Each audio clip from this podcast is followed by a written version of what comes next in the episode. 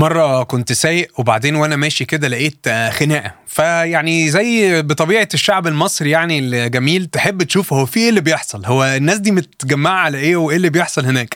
بس ف... فقررت إن أنا اقف اسمع كده يعني. وطبعا أنا ما شجعش أي حد يقف في أي خناقة. لو شفت خناقة كمل على طول وامشي وابعد. المهم لقيت بقى إيه آه، ابتدت الناس صوتها يعلى على بعض وابتدى كل واحد بقى إيه يعني آه عنده حجة بقى يقولها للتاني أنت غلطان لا أنت اللي غلطان. لا مش عارف إيه أنا هحبسك أنا هوري لك. وبعدين آه آه واحدة من أشهر الجمل طبعا اللي بتتقال في كل الخناقات انت مش عارف أنا مين. وبعدين واضح إن التاني فعلا مش عارف هو مين. يعني حاسس إن هو إيه آه ما أعرفش أنت مين. أنت مين يعني؟ فبس الموضوع ابتدى يسخن يسخن يسخن. وبعدين صاحبنا ده بعد ما قال أنت مش عارف أنا مين لأنه يعني الموضوع داخل في حتة أصعب شوية. طب أنت مش عارف أنا ابن مين؟ فحس لا يا عم مين يعني وبتاع. والموضوع باظ خالص وفي الآخر ولا إحنا عرفنا هو مين ولا ابن مين. ولا عرفنا التاني هو مين في الآخر الناس هدتهم والناس مشيت. بس أنت عارف إنه في علم النفس بيقولوا إن أصعب سؤال ممكن تسأله أنا مين؟ يا ترى أنا مين؟ ويا ترى إزاي أقدر أعرف هويتي؟ مش بس في البطاقة ومش بس في الباسبور بس هويتي الحقيقية. أجيبها منين؟ وأجاوب على السؤال أنا مين ده إزاي؟ ده اللي هنعرفه في حلقة النهارده بودكاست جديد من جرانيت. ومعكم راندو هارفي. هنطلع لفاصل صغير جدا جدا جدا ونرجع نرجع إيه؟ ونبدأ حلقتنا.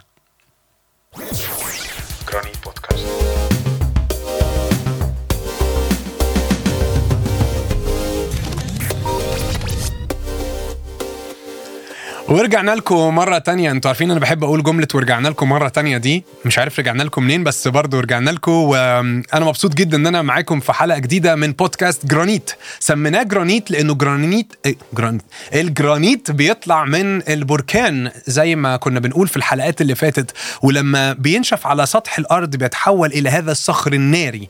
وبيتعرض لعوامل سخونة جامدة قوي قوي قوي قوي لو شفت بركان من فضلك ما تروحش تلمسه وتقول راندو قال لنا قبل كده إن هو ده الجرانيت عشان بس أهلك ما يقولوش إن أنا السبب. آم، ولو لينا هدف من اسم جرانيت هدفنا إنه زي ما ال- الجرانيت ده عشان يتكون بيتعرض لسخونة عالية قوي إحنا كمان بنخش في تحديات كبيرة قوي وجامدة قوي ومن كل قلوبنا بنصلي إنه البودكاست يفرق معاك ويعرفك أكتر على الصخر الحقيقي اللي أنت ممكن تقف عليه فعلا ويديلك قيمة حقيقية وهوية حقيقية. أنا اسمي راندو مبسوط جدا إن أنا هكون معاكم في الحلقة دي، الحلقة دي بالنسبة لي مهمة جدا ليه؟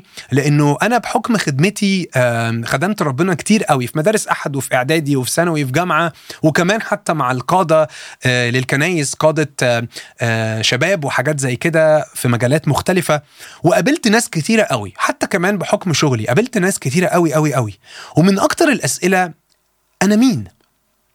وأنا أكون مين ده؟ إزاي؟ والهوية بتاعتي. عشان كده حلقة النهارده أنا سميتها يعني اسم مختلف شوية. أنا مين فيهم؟ أنا مين فيهم؟ واضح كده إن ده سؤال طالع من حد شاف موديل والتاني وابتدى يفكر يا ترى أنا عايز أكون مين فيهم؟ أو شاف كذا اوبشن وبيتساءل أنا عايز أكون مين فيهم؟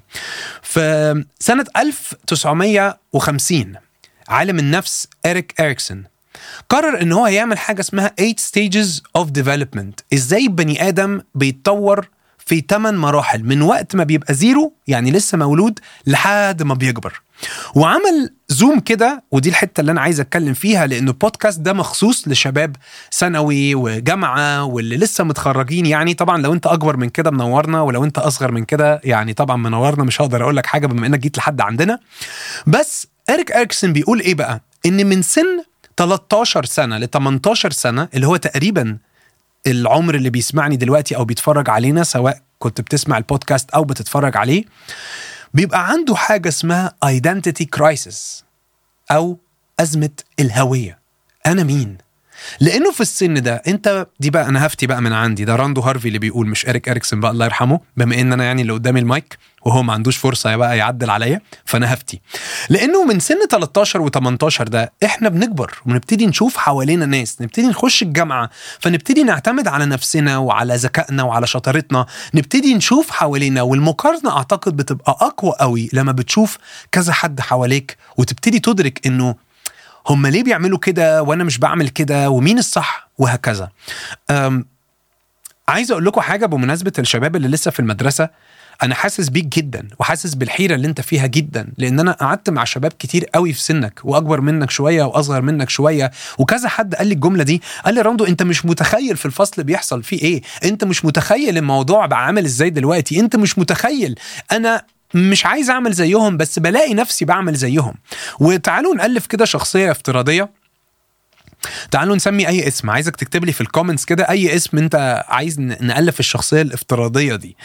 آه، والشخصية دي اللي أنت دلوقتي مشكورا يعني ساعدتني في إن سميناها. بيروح المدرسة تعالوا نقول مثلا حد اتنين تلات أربع خميس. والخميس بالليل مثلا بيروح اجتماعه في الكنيسة. فبيروح عدد. أيام أكتر في. في. في المدرسة وعدد أيام قليل في الكنيسة لما تيجي تعمل zoom in على آخر السنة 365 يوم هتلاقي نسبة المدرسة كانت أكبر بكتير قوي من الكنيسة وأنا في المدرسة شايف ناس بتشتم شايف ناس بتضرب شايف ناس بتشرب حاجات مختلفة سواء كان سجاير أو مخدرات أو غيره شايف ناس مستهينة بالتعليم شايف ناس مش في كل المدارس طبعا بس في أغلب المجتمعات اللي الشباب دلوقتي محاط بيها شايف ناس بتعمل حاجات غلط جدا. فلما جيت أروح الكنيسة وجيت أحضر الاجتماع لما جيت أعمل زي ما الشباب بيعمل في المدرسة ابتدوا يبصوا لي القادة والخدام ويقولوا لي عيب إيه اللي أنت بتقوله ده؟ فأنا حسيت هو إيه العيب؟ ما أنا عندي في المدرسة بيعملوه عادي. واتعلمت في الكنيسة إنه ما يصحش وما ينفعش وإحنا ولاد ربنا. جيت بقى أروح في الكني في في المدرسة بقى بعد ما خلصت كنيسة رايح بقى المدرسة في الأسبوع الجديد وبقول لأصحابي كده يا شباب ما ينفعش نعمل كده إحنا ولاد ربنا ما يصحش ما ينفعش. ابتدوا يقولوا لي يا عم أنت هتعمل فيها قسيس يا عم مالك مدفوق ما أنت زينا صباح الفل مالك ليه عامل فيها كبير؟ ليه عامل فيها كأنك أكبر مننا؟ وقعدت في ال... في الهوية دي وفي أزمتها كتير قوي مش عارف أبقى محترم ولا ما بقاش محترم. أبقى ملتزم ولا ما بقاش ملتزم؟ أبقى باين عليا إن أنا إنسان وديع ولا باين عليا إن أنا إنسان مستبيع ومفيش حاجة فارقة معايا؟ ال identity بتاعتك بتاخدها منين؟ تكبر شوية وتخش الجامعة وتكتشف إنه إيه ده؟ أنا أنا محتاج في هويتي عشان تكتمل لازم أكون في ارتباط لازم أكون مصاحب لازم أكون آه، في حد أنا يعني مصاحبها وعلى علاقة معاها علشان آه، كلهم بيعملوا كده. وابتديت أنت بقى حط بقى أزمة الهوية على ال peer pressure أو ضغط المجموعة تلاقي نفسك منساق عمال تعمل حاجات أنت من جواك مش عايز تعملها أو من جواك فعلا ممكن تقول لي أنا ما كنتش عايز أعمل كده بس كلهم عملوا كده فلقيت نفسي رايح. أنا عارف يا حبيبي إن أنت ما كنتش عايز بس أنت بقيت منساق. ولانك منساق مش قادر تاخد قرارات صح. ولان ما عنديش هوية ثابتة قوية بقيت ماشي زي ما المجموعة هتعمل. أنا بعمل. والعالم شوه الهوية دي بهوية مزيفة. بقى يقولك إنه أنت علشان تبقى راجل محتاج تشرب دي. انت علشان تبقي مطلوبة ومحبوبة لازم تبقي في علاقة وكل ما الولد يعبر لك أكتر عن إعجابه بيكي وبجسمك يبقى أنت كده فعلا ليكي هوية كده وليكي identity finally أخيرا بقيتي كده واحدة كده يتبص لها بدل ما أنت مش في أي علاقة. وابتدى العالم يحط جواك كمية حاجات غريبة مشوهة هوية مزيفة هوية هشة. تكتشف بعد الوقت إنه إيه ده أنا ضيعت سنين المدرسة وضيعت سنين الجامعة ببحث عن هويتي ومش لاقيها. ولحد النهارده مش عارف أنا مين أو أنا مطلوب مني إيه. مرة اتعرفت على حد كان من خلفية غير مسيحية وعرف المسيح وعرف الديانة المسيحية أو الفكر المسيحي وقرأ الكتاب المقدس اللي أنا بجد يعني مش عارف كم حد فينا دلوقتي بقى لسه بيقراه بس عايز أقول لك إن الكتاب ده حقيقي بيغير حياة البشر. حقيقي ممكن تلاقي هوية حقيقية ثابتة غير مزيفة وغير مشوهة في الكتاب ده لأنه الكتاب ده كله موحى به من الله. يعني الله بنفسه أشرف على كتابة هذا الكتاب العظيم. حد بقى بيقول أنا لما قريت الموعظة على الجبل بتاعتكو وقريت الرب يسوع بيطلب من الناس إيه؟ أعجبت جدا لدرجة إن أنا قريتها خمس مرات. قعد خمس مرات عمال يقرأ في الموعظة على الجبل في إنجيل متى. بيقول أنا ما قدرتش أبطل ولقيت نفسي بعشق يسوع المسيح وبحب الكتاب المقدس بتاعكم بشكل غريب. ومن هنا ابتديت أمسك في كلمة ربنا. وبيكمل الشخص ده بيقول أنا لما جيت أقارن بين الفكر المسيحي وأي أفكار تانية لقيت إنه أي فكرة تانية لو بتقول قتل أو بتقول عنف أو بتقول غضب نهاية الحاجات دي نهاية في منتهى الضياع ومنتهى العشوائية. بس لما جيت ألاقي تسامح وحب وغفران وقبول لقيت إن نهايتها حاجة راقية قوي. تبقى علاقتي بالناس سوية وتبقى علاقتي بنفسي حلوة. وحتى نظرتي لإلهي وإن إلهي بيبص لي بعيون دم يسوع المسيح. على الصليب. يعني لما بيجي يبص عليا مش بيشوف مش بيشوف بس غلطاتي و... و... وتحدياتي لكن بيشوف الدم اللي اتسفك على الصليب واداني قيمة جديدة واداني هوية جديدة واداني بطاقة جديدة مش بس مكتوب عليها مسيحي أو مسيحية بس مكتوب فيها إن أنا نلت الخلاص بسبب صليب يسوع المسيح. واحد من الناس آم، عمل فضيحة كبيرة قوي قوي. وعايزك آه، تكتب لي كده في ال comments تحت الفيديو ده اكتب لي كده فضيحة. عايزك تكتبها لي كده وعارفين لما الناس بتكتب كذا حرف كتير قوي لو فضيحة ته مربوطة ته مربوطة ته مربوطة عايزك تعمل كده عايز أشوف بقى هتكتبها لي إزاي. عمل فضيحة كبيرة جدا زي اللي أنت لسه كاتبها دلوقتي حالا. عمل إيه؟ بص ال- الواد يعني أنا بجد عايز أغلط فيه بس مش هينفع أغلط فيه. الواد راح لأبوه. وقال له أنا عايز أورثك بالحياة. إديني ميراثي.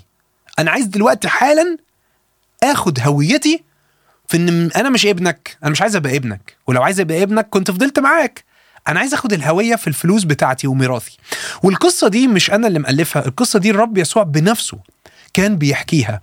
موجودة في إنجيل لوقا. لو تقدر تفتح معايا تبقى جامد جدا سواء كان كتابك المقدس الحقيقي اللي بيتفتح يعني أو سواء- كان ابلكيشن مش فارق معايا. المهم إن يبقى عينيك معايا جدا وأنت بتسمع أو بتقرأ الحتة دي. إنجيل لوقا إصحاح 15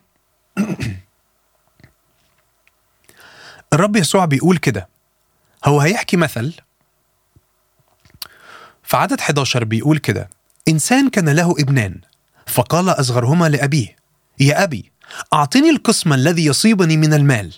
فقسم لهما معيشته. يعني أب كان عنده ابنين واضح إن في حد كبير وحد صغير.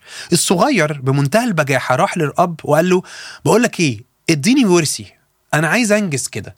فالراجل راح قسم الورث واداه للولد بمنتهى الحب وبمنتهى ال...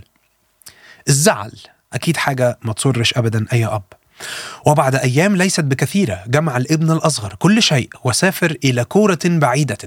وهناك بذر ماله بعيش مسرف. يعني مشي لقرية بعيدة أوي أوي أوي وصرف كل فلوسه بشكل في منتهى الاستهتار.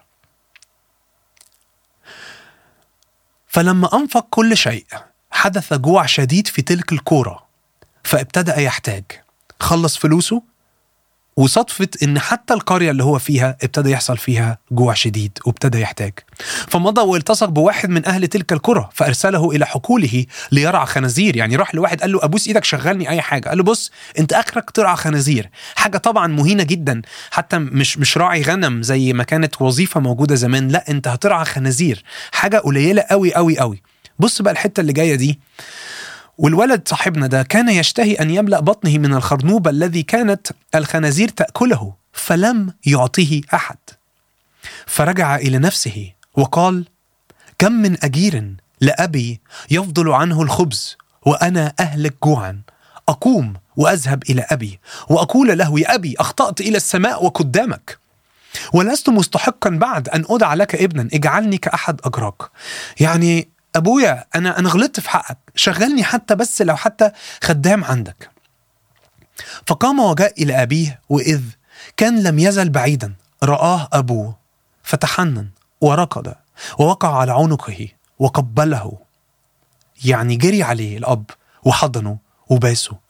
فقال له الابن يا أبي أخطأت إلى السماء وقدامك ولست مستحقا بعد أن ادعى لك ابنا. ولسه بقى هيقول له دباجه طويلة قوي وقفوا الأب عن الكلام وقال لعبيده اخرجوا الحلة الأولى وألبسوه واجعلوا خاتما في يده وحذاء في رجليه وقدموا له العجل مسمن واذبحوا واذبحوه فنأكل ونفرح. يعني أنا عايز النهارده أعمل فرح. ليه بقى؟ لأن ابني هذا كان ميتا فعاش وكان ضالا فوجد فابتدأوا يفرحون.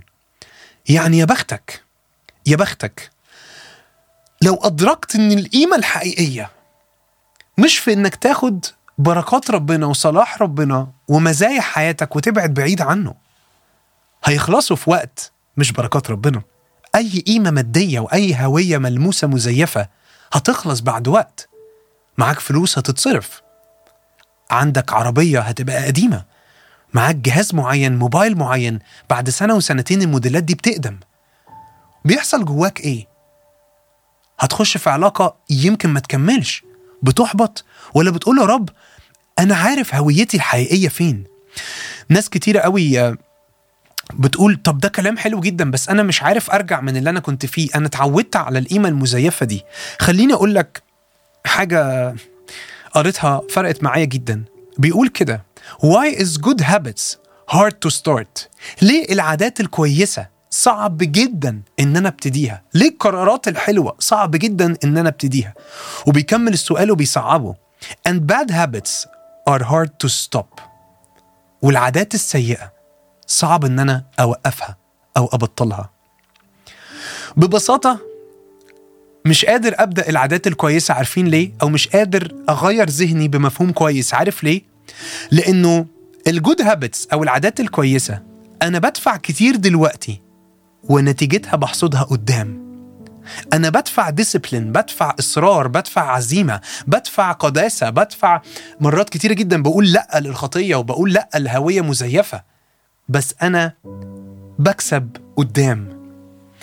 وأما ال bad habits نتيجتها دلوقتي وبستمتع بيها دلوقتي لكن للأسف التمن قدام.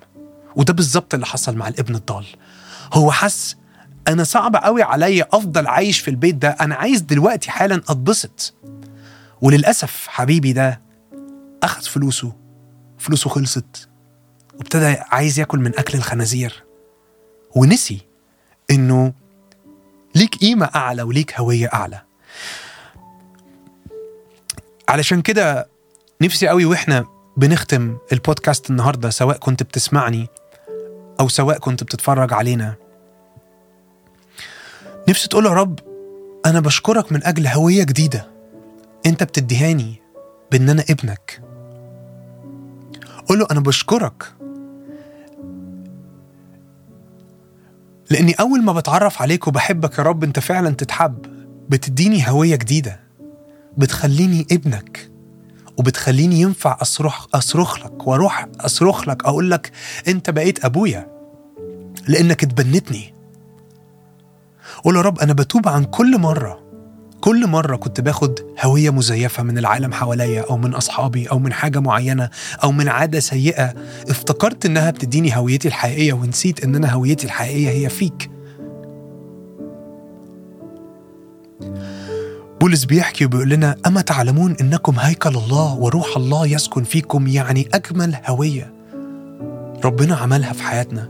هو إن روح القدوس بقى ساكن جوانا ومفيش حد في الدنيا يقدر يسلب روح القدوس من جواك. خلاص إحنا في العهد الجديد وبقى ساكن جواك. عايز إيه هوية تانية أكتر من كده؟ عايز إيه أحلى من إنك تقول يا رب أنا بشكرك إن أنا ابنك أو تقولي له يا رب أنا بشكرك لأن أنا بنتك؟ صلي معايا وقول يا رب أنا عايز أشوف هويتي بعينيك من زاويتك أنت مش من زاويتي أنا.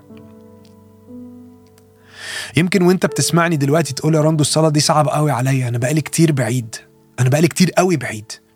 يمكن دي تبقى فرصة حلوة قوي في البودكاست اللي أنت بتسمعه. ممكن تبقى زي تجديد عهد تقول يا رب أنا جاي بطلب منك بجد بجد يا رب هوية جديدة هوية حقيقية. عايز أديلك وقت تصلي مع أبوك السماوي.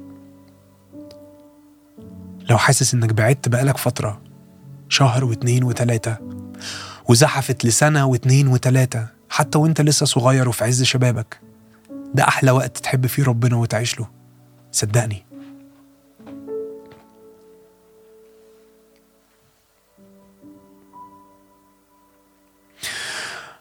وقت حلو قوي إنك تكون بتصلي مع أبوك السماوي يتاكد إن هو سمعك الرب قريب للذين يدعونه الذين يدعونه بحق. ولو من قلبك فعلا بتدعوه أنا متأكد إن هو هيتواصل معاك وهيوصل لك. ولو حابب حد يكون بيتواصل معاك ولو حابب حد يساعدك تقدر تكتب لنا في ال comments تحت تقول أنا محتاج مساعدة.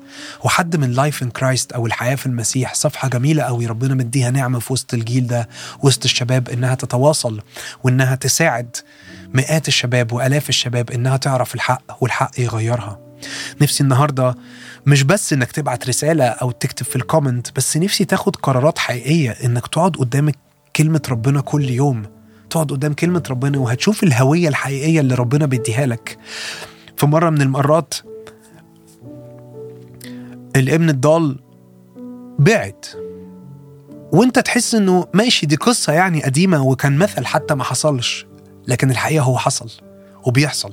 أنا شخصيا حصل معايا كده وبعدت كتير قوي عن ربنا وافتكرت إن أنا هويتي هلاقيها في حاجات تانية وللأسف ما لقيتهاش. ورجعت مرة تانية أقول له أنا آسف أنا أخطأت.